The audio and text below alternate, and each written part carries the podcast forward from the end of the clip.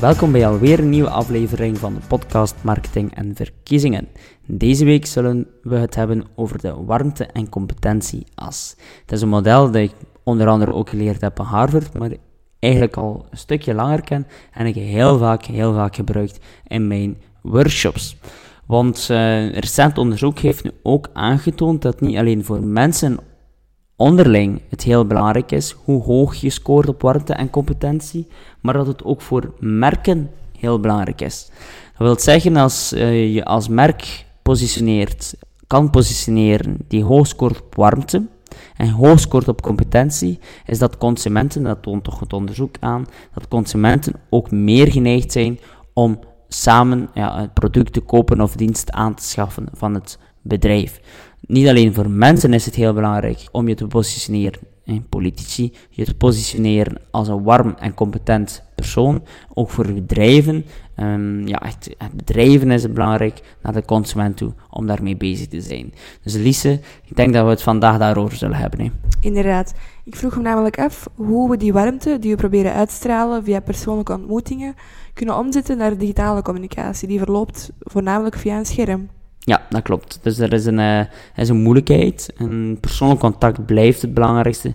Met persoonlijk contact is het nog altijd veel makkelijker om warmte uit te stralen, dat zeker en vast. Maar ook via de sociale media is er, uh, zijn er zeer, veel dingen mogelijk. Hè. Dus er zijn verschillende opportuniteiten. En wat warmte, warmte heeft veel te maken met uh, similariteit. Wat bedoel ik met similariteit? Hoeveel gemeenschappelijk heb jij met je doelgroep? Um, sympathie, er is ook een stukje sympathie. Want hoe sympathieker bent, of hoe meer je gemeenschappelijk hebt, hoe groter de kans is dat mensen jou sympathiek vinden. Dus uh, daar is eentje om er rekening mee te houden. En ga je dus ook gaan vergelijken, of vergelijk even met jezelf van in hoeverre kom ik gelijkaardig over als mijn doelgroep. Stel, jouw doelgroep zijn, eh, laten we het opnieuw even op flessen trekken, metal liefhebbers, ja, dan denk je niet dat je super hard zal scoren wanneer je met je kostuum op uh, Alcatraz festival staat. Dus uh, ik trek het nu uiteraard even op flessen, maar dat, lijkt allemaal logisch. Maar als we dan concreet worden, dan zien we vaak dat dat niet altijd uh, wordt toegepast. En similariteit zit soms in kleine dingen. Eentje dat ik, een tip dat ik vaak meegeef is ja, taalsimilariteit. Hoeveel politici niet, dat niet veel te veel te moeilijk communiceren. Dus gebruiken archaïsche, eh, archaïs, eh, dat is veel te moeilijke woorden, daar komt het eigenlijk op neer. Veel te oudbollige, veel te moeilijke woorden, zoals archaïs, zoals uh, lichtpollutie, zoals, uh, ja, nog wel, anderen kan niet onmiddellijk nog op extra voorbeelden uh, komen, maar als je naar de zevende dag kijkt, dan, dan hoor je het genoeg. Gebruiken moeilijke woorden die misschien 80% van de kiezer niet gebruikt. En ja, dan kom je niet sympathiek over, dan kom je niet warm over. Integendeel, en dat is een denk denkwijze die veel politici hebben. Ze, ze, ze denken door net moeilijk en hoog ja, hoog dan in intelligentie misschien hoog, waar dat op zich het een niet met het ander te maken heeft. Maar door gewoon moeilijk te communiceren, moeilijk woorden te gebruiken, denken ze dat mensen hun slimmer gaan zien.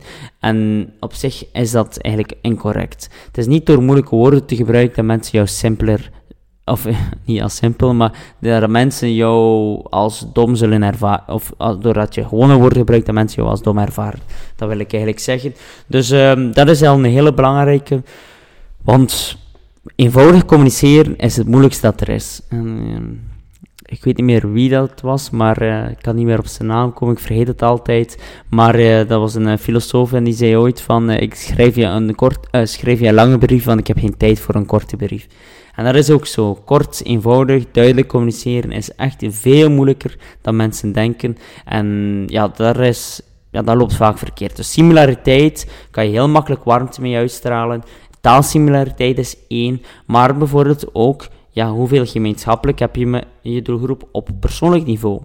Bijvoorbeeld, ik ben ook het is hypothetisch, hè. ik ben ook een, uh, een gelukkige vader, dus ik heb geen kinderen, nee, daarom hypothetisch. Een gelukkige vader die, die de zondag met de kindjes naar de voetbal gaat, dan kan je af en toe wel een keer uitspelen. Let er opnieuw ook wel meer op. Denk ook terug aan de vorige podcast. Het moet authentiek blijven, het moet consistent blijven. Maar dat zijn allemaal dingetjes waar je eigenlijk waarover je kan communiceren, die je dan opnieuw weer warm maken. Ook de stijl van foto's die je gebruikt. In plaats van stokken stijf op een foto te staan, zou je beter gewoon iemand vastpakken, bijvoorbeeld iemand steunen, uh, iemand vastnemen. Dat zijn allemaal eenvoudige techniekjes waardoor je warmer zal overkomen als persoon. We willen onszelf dus meer voordoen als competente personen, bijvoorbeeld door moeilijke woorden te gebruiken. Maar hoe kan je nu een evenwicht vinden als politicus op sociale media tussen die competentie en die warmte? Ja, het evenwicht is het moeilijkste en het belangrijkste. En dat hangt ook van persoon tot persoon af. Zeker op lokaal niveau moet het niet altijd beide zijn. Op nationaal niveau zeker en vast wel toch als een carrière wil maken, maar op lokaal niveau, ik denk dat iedereen wel iemand kent die heel veel stemmen haalt, waarvan misschien gedacht is van, oké goed, het is niet de meest competente, en dat hoeft ook niet, dat wil ik niet gezegd hebben, maar omgekeerd ook, er zijn mensen die heel veel stemmen halen, die misschien niet als de meest warme persoon worden ervaren, maar omdat ze zo competent zijn, halen ze toch veel stemmen. Een uh, leuke insight die ik mee heb gekregen uh, tijdens mijn opleiding in Harvard is dat ja, het wie een hoogscore op warmte, warmte en hoogscore op competentie is natuurlijk de voorkeursgroep. Maar uh, grappig is, is dat wanneer, we het, wanneer het gaat over zelfprofilering, we liever kiezen om hoog te scoren op competentie en laag te scoren op warmte. Dus als we onszelf moeten evalueren, dan hebben we liever zelf dat mensen ons hoog scoren op competentie. Maar als wij zelf anderen moeten evalueren, dan gaan we meer aandacht en meer nadruk leggen op de warmte van een persoon dan op de competentie. Dus als het gaat over zelfevaluatie, vinden we competentie belangrijk. Als het gaat over evaluatie van anderen, dan vinden we warmte vooral belangrijk. Dus dat is een beetje een, om weer een moeilijk woord te gebruiken, een uh, ja, cognitieve dissonantie. Uh, dat is een beetje dissonant met hoe we zijn en hoe we handelen. Maar dat strookt dus niet. Hè. Dat strookt dus niet met elkaar. Maar uh, het is effectief wel bewezen. Dus warmte is echt super belangrijk. En het evenwicht met competentie is heel moeilijk. Dus probeer regelmatig te focussen. Hè, om het heel even plastisch te zeggen of uit te drukken. Probeer regelmatig met de schattige puppy op de foto te staan. Maar probeer ook regelmatig met de zware dossiers op de foto te staan. We kunnen dus zeggen dat er een bepaalde link is tussen warmte en personalisering door bijvoorbeeld similariteit. Mensen die we goed uh, kennen, door een inkijk in hun privé- en familieleven te geven, vinden we sneller warme personen. Hoe kan die warmte dan juist bijdragen aan authenticiteit? Um, ja, dus de, dat heeft te maken met die consistentie dan. Dus um, als je niets gezien wilt, of niets gezien wilt worden, één, dat ten eerste. Ten tweede, je bent het ook gewoon niet, een familiepersoon dan. Ja, dan moet je niet iedere week een foto van je familie online zetten, terwijl je eigenlijk helemaal zo niet bent. Uiteindelijk val je dan toch door de maand, mensen praten daarover. Allee, dat komt toch ooit wel uit hoor, dus dat moet je zeker niet doen. Dat is dus eh, heel belangrijk, is die consistentie. Um, doe wat, dat wat bij jou past. En ga vooral daarover communiceren, maar niet zozeer over de zaken die toch niet bij jou passen om toch maar te scoren.